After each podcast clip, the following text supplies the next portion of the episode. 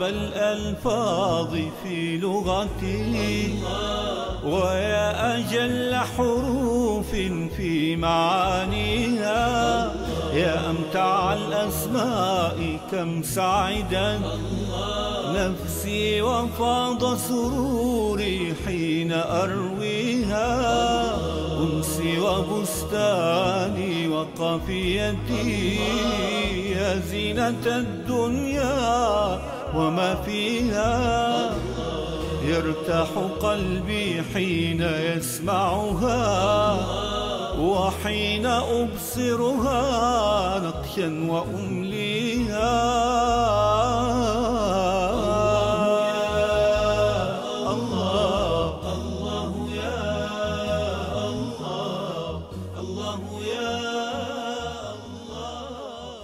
بعد انتهاء معركة أحد. قام أبو سفيان قبل إسلامه فقام مناديا في المؤمنين قال لهم لنا العزى ولا عزى لكم فأجابه أهل الإيمان ماذا قالوا؟ قالوا الله مولانا الله مولانا ولا مولى لكم الله مولانا سيدنا ناصرنا حافظنا الله مولانا ناصرنا ولا مولى لكم ذلك بأن الله مولى الذين آمنوا. ذلك بأن الله مولى الذين آمنوا. وأن الكافرين لا مولى لهم. الله عز وجل مولى. مولى من؟ مولى أهل الإيمان. ناصرهم. مع أنه في الحقيقة مولى الكل يعني مالك الكل لكنه لأهل الإيمان غير. ناصر لهم حافظ لهم راع لهم. ذلك بأن الله مولى الذين آمنوا. المجاهد في جهاده الداعي في دعوته المصلح وهو يصلح غيره في إصلاحه. بل المؤمن عندما يمشي ويجلس وهو يضع رأسه في الفراش لينام عندما يؤمن بأن الله هو المولى يطمئن قلبه وتسكن نفسه. كيف يتوكل على سواه وهو مولاه؟ من يؤمن بأن الله مولاه كيف يتوكل على غيره؟ تعرف إيش يعني المولى؟ يعني لن يحصل لك شيء في الأرض إلا بإذنه جل وعلا. قل لن يصيبنا إلا ما كتب الله لنا. ليش؟ هو مولانا. بما أنه المولى إذا لن يصيبنا شيء في الأرض إلا ما كتب. ولهذا نتوكل عليه. قل لن يصيبنا إلا ما كتب الله لنا. هو مولانا. وعلى الله فليتوكل المؤمنون. أيها العالم أيها الداعية أيها المجاهد أيها المصلح أيها المسلم أيها المصلي الراكع الساجد أيها المربي أيها المؤمن اعتقد جازما بأن الله مولاك. أما أولئك أما سادة الكفر أما أئمة الضلال أما أمم الكفر فإنه لا مولى لهم لا ناصر لهم. فقط اصبر فإن الله عز وجل مولانا ولا مولى لهم. الله يا الله الله يا الله الله يا لما أمر الله عز وجل موسى عليه السلام وأخاه هارون أن يذهبا إلى فرعون قال إنا نخاف أن يفرط علينا أو أن يطغى. فرد الله عز وجل عليهما مطمئنا لهما. قال لا تخافا إنني معكما أسمع وأرى. لأن الله عز وجل هو المولى هو الحافظ لأهل الإيمان هو المولى هو الناصر لأهل الإيمان هو الذي يأخذ بأيديهم. الله مولانا. ولا مولى لهم. ذلك بأن الله مولى الذين آمنوا وأن الكافرين لا مولى لهم. الله عز وجل من أسمائه المولى. فاعلموا أن الله مولاكم. نعم المولى ونعم النصير. هو مولى الخلق أي خالقهم وسيدهم. لكن إذا قيل مولى الذين آمنوا أي حافظهم ناصرهم فأهل الإيمان من مولاهم؟ أنت مولانا أنت مولانا فانصرنا فانصرنا على القوم الكافرين. أهل بدر كانوا قلة أذلة مستضعفون في الأرض ما كانوا يريدون قتالا أصلا. نصرهم الله. وما رميت إذ رميت ولكن الله رمى. وإن تولوا فاعلموا أن الله مولاكم. فاعلموا أن الله مولاكم. نعم المولى نعم المولى ونعم النصير. الله عز وجل هو المولى فنعم المولى. حافظ أهل الإيمان ناصر أهل الإيمان أنت مولانا. فانصرنا على القوم الكافرين. لا تضطرب لا تخف لا تقلق لا تجزع. لتسكن نفسك وتطمئن قلبك. لتهدأ يا عبد الله. فإن الله عز وجل مولاك. نعم المولى ونعم النصير. لو اجتمعت عليك أمم الأرض كلها وأرادوا بك ضرا لم يكتبه الله عز وجل عليك لن يستطيعوا أن يضروك ولا يؤذوك. فاطمئن يا عبد الله فإن الله عز وجل هو مولاك. نعم المولى ونعم النصير. يونس لما كان في بطن الحوت ظلمة ليل ظلمة بحر ظلمة حوت. لوحده في ذلك المكان المخيف. من الذي كان معه؟ من حفظه؟ من نصره؟ من نجاه؟ إنه المولى نعم المولى ونعم النصير. الله يا الله الله يا الله يا الله. الله الله يا الله. الواحد الواحد الفرد الذي ليس له ثاني.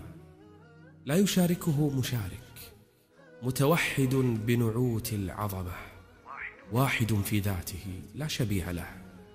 واحد في صفاته لا مثيل له. واحد في أفعاله لا شريك معه. واحد في ألوهيته لا ند له. لا يحيطون بشيء من صفاته. تنزه عن اتخاذ الولد وتقدس عن الشريك. والله الإله الواحد الأحد. الذي لا إله إلا هو وحده. لا ند له ولا نظير له. هل تعلم له سميا؟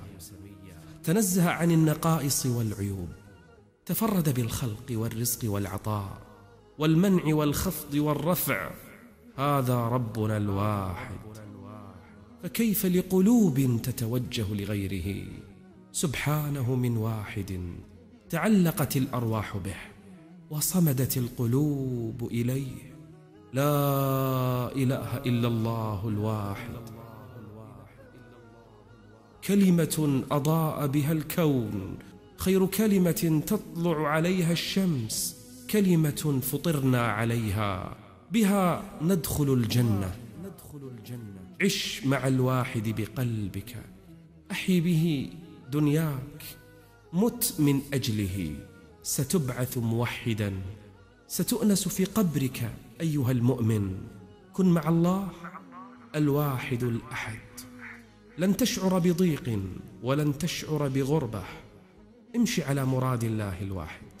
يريدك أن تحيا مخلصا حركاتك سكناتك أعمالك مقاصدك مشاعرك.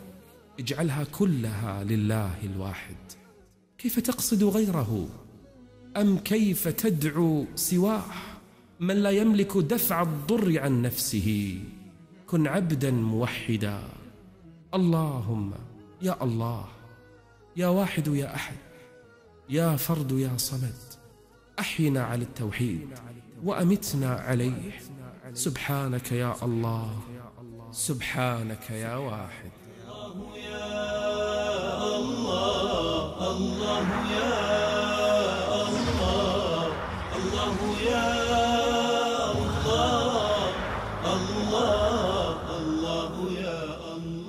لما بعث النبي صلى الله عليه وآله وسلم إلى مكة نبيا ورسولا دعا الناس إلى عبادة إله واحد جل وعلا. حتى أنهم انزعجوا وتعجبوا قالوا أجعل الآلهة العزى ومنات وغيرها من الأصنام أجعل الآلهة الها واحدا؟ إن هذا لشيء عجاب. الله عز وجل من أسمائه الواحد. الواحد جل وعلا المتفرد بكماله الواحد في ذاته الواحد في أسمائه وصفاته الواحد في أفعاله الواحد في ربوبيته الواحد في ألوهيته الواحد في ملكه جل وعلا. قال المشركون أجعل الآلهة إلها واحدا إن هذا لشيء عجاب. بل كل الأنبياء والرسل جاءوا بهذه الحقيقة. ما أرسلنا من قبلك من رسول إلا نوحي إليه أنه لا إله إلا أنا. فاعبدون. الواحد في أسمائه وصفاته أي كل أسمائه وصفاته لا يشابهه فيها أحد. هل تعلم له سميا؟ ليس كمثله شيء. هو سميع بصير عليم قدير حي مميت محي كل هذه الأسماء والصفات والأفعال لله عز وجل لا يشابهه فيها أحد جل وعلا. هل تعلم له سميا ولله المثل الأعلى في السماوات والأرض؟ الله يا الله الله الله يا الله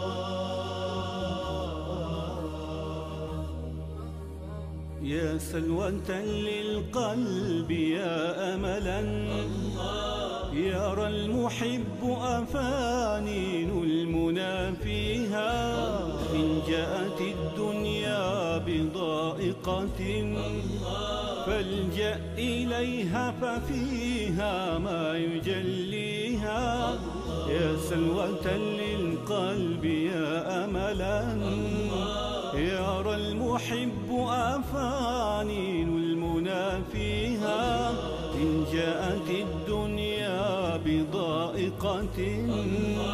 فالجأ إليها ففيها ما يجليها الله يا الله الله يا الله الله يا كان المشركون في مكة يعبدون أصناما بلغت الأصنام حول الكعبة 360 صنما كلها تعبد من دون الله عز وجل. فبدأ النبي دعوته جاءه المشركون يوما قالوا له يا محمد صف لنا ربك. يا محمد من هو ربك الذي تريدون أن نعبده؟ فقال الله عز وجل قل هو الله أحد الله الصمد لم يلد ولم يولد ولم يكن له كفوا أحد. الله ربي أحد وهو واحد جل جلاله. أخذ يخبرهم يا قوم تعبدون من؟ قالوا هؤلاء شفعاؤنا عند الله. قال اعبدوا الله إذا كنتم تعبدونه فوحدوه فالله عز وجل واحد فإذا بهم يغضبون. وبدأوا ينهون قومهم عن استماع لرسول الله. وقالوا لبعضهم أجعل الآلهة إلها واحدا؟ الله هو الواحد.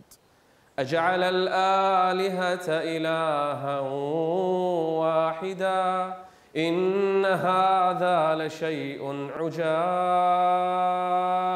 الله جل جلاله هو الواحد كما سمى نفسه هو الواحد القهار واحد في ربوبيته أأرباب متفرقون. الرب واحد الخالق واحد الرازق واحد المالك واحد المتصرف واحد. هذه الربوبية واحد في ربوبيته. أأرباب متفرقون خير أم الله الواحد القهار؟ واحد في ألوهيته. فلا يستحق أحد العبادة غيره جل جلاله.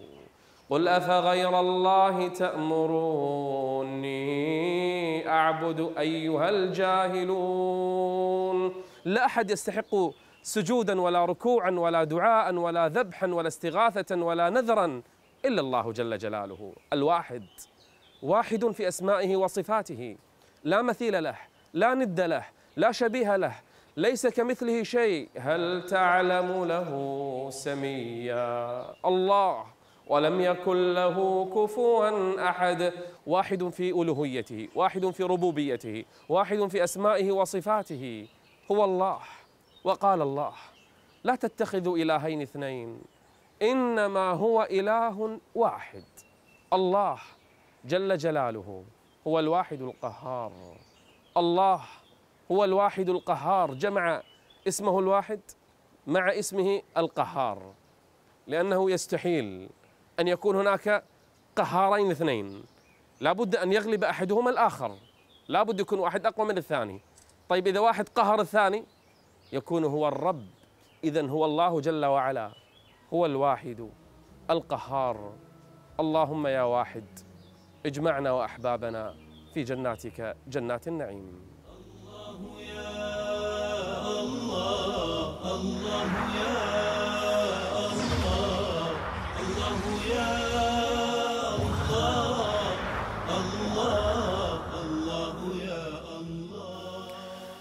يقول النبي صلى الله عليه وآله وسلم أن الله تعالى يقول قسمت الصلاة بيني وبين عبدي. تخيل لما تقرأ الفاتحة في كل ركعة. قال فإذا قال العبد الحمد لله رب العالمين. قال الله عز وجل حمدني عبدي. فإذا قال الرحمن الرحيم قال أثنى علي عبدي. فإذا قال مالك يوم الدين قال مجدني عبدي. يا الله العبد يمجد من؟ خالقه لأنه من؟ المجيد سبحانه وتعالى. المجيد ذو الكبرياء والعظمة. المجيد ذو الكرم. المجيد ذو المدح والثناء المجيد الذي له من صفات الكمال ما نعلمها وما لا نعلمها فهو المجيد جل في علاه. ذو العرش المجيد. ربط الله عز وجل اسمه المجيد بالعرش لأنك فقط لو تصورت العرش وقدره السماوات السبع وما بين كل سماء والأخرى والكون الفسيح الذي لا يقدر وسعه حتى العلماء اليوم الذين يعطون مئات السنوات الضوئية. هذا كله تقديري ولا هو أكبر بكثير. هذا الكرسي وسع السماوات والأرض والكرسي بالنسبة للعرش ولا شيء. ما بالك بالعرش نفسه؟ الله لما ذكر العرش ذكر اسمه المجيد. يعني تخيل العرش لتعلم قدر كبريائه وعظمته فهو المجيد جل في علاه. ذو العرش المجيد فعال لما يريد.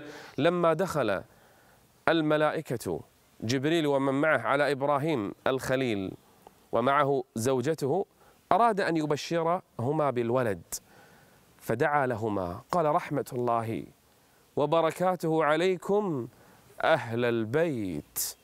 إنه شوف الاسمين اللي ذكرهم جبريل.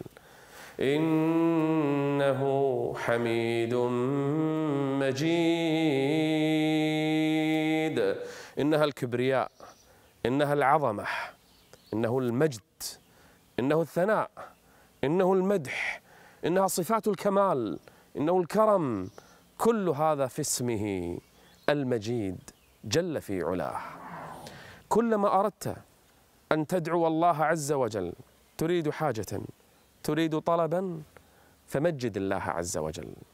شوف كل ركعة نمجد الله ثم ندخل في الصلاة. الصلاة دعاء.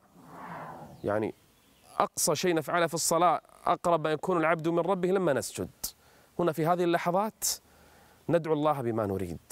لكن قبلها نمجد الله جل وعلا ونعظمه ونمدحه ونثني عليه ونحمده. في كل صلاة نبدأ بالتمجيد. قال مجدني عبدي الله يحب أن يمجده أن يمجده عباده قبل أن يسألوه. تعود اثني عليه مجده جل وعلا ثم اطلب ما تشاء فإن الرب كريم حميد مجيد. الله يا الله الله يا الله الله يا الله الله الله يا الله إنه المجيد جل وعلا ذو المجد والكبرياء والعظمة صفات الكمال أبلغها وأسماها. لا يحصي أحد ثناء عليه جل وعلا. إنه المجيد. ومن قرأ بعض الروايات في حملة العرش وكيف هي عظمتهم ما بين أذنه وعاتقه مسيرة خمسمائة عام. هذا واحد. من ملائكة حملة العرش. كيف بالبقية؟ إذا كان الكرسي وسع السماوات والأرض كيف بالعرش نفسه؟ قال الله عن نفسه ذو العرش المجيد صاحب المجد صاحب الكبرياء العظمة جل وعلا. من أراد المجد فليتعلق بالمجيد جل وعلا. من أراد الشرف من أراد الرفعة من أراد المجد فليطع ربه جل وعلا. إن أكرمكم عند الله أتقاكم. من بطأ به عمله لم يسرع به نسبه. القضية مو بالأنساب مو بالأشكال. مو بالأموال مو بالوجاهة. لا لا لا. على قدر طاعتك للمجيد تنال من المجد والشرف. ومن يهن الله فما له من مكرم. إن أكرمكم عند الله أتقاكم. حتى القرآن الله عز وجل سمى القرآن مجيد. ليش القرآن مجيد؟ لأنه من ارتبط به وتعلق به فإنه ينال المجد. وهو كلام المجيد جل وعلا. فهو المجيد والقرآن المجيد. عمر بن الخطاب رأى رجلا ولاه نافع بن الحارث ولاه على مكة فسأله من استعملت على أهل الوادي؟ قال ابن أبزة. قال من ابن أبزة؟ قال مولى من موالينا. قال وليت عليهم مولى؟ قال نعم إنه قارئ للقرآن عالم بالفرائض. قال عمر رضي الله عنه سمعت النبي صلى الله عليه وسلم يقول إن الله يرفع بهذا الكتاب أقواما ويضع به آخرين. من أراد المجد فليتعلق بالمجيد وليقرأ كلامه المجيد وليعمل عملا يرتفع به عند المجيد جل وعلا.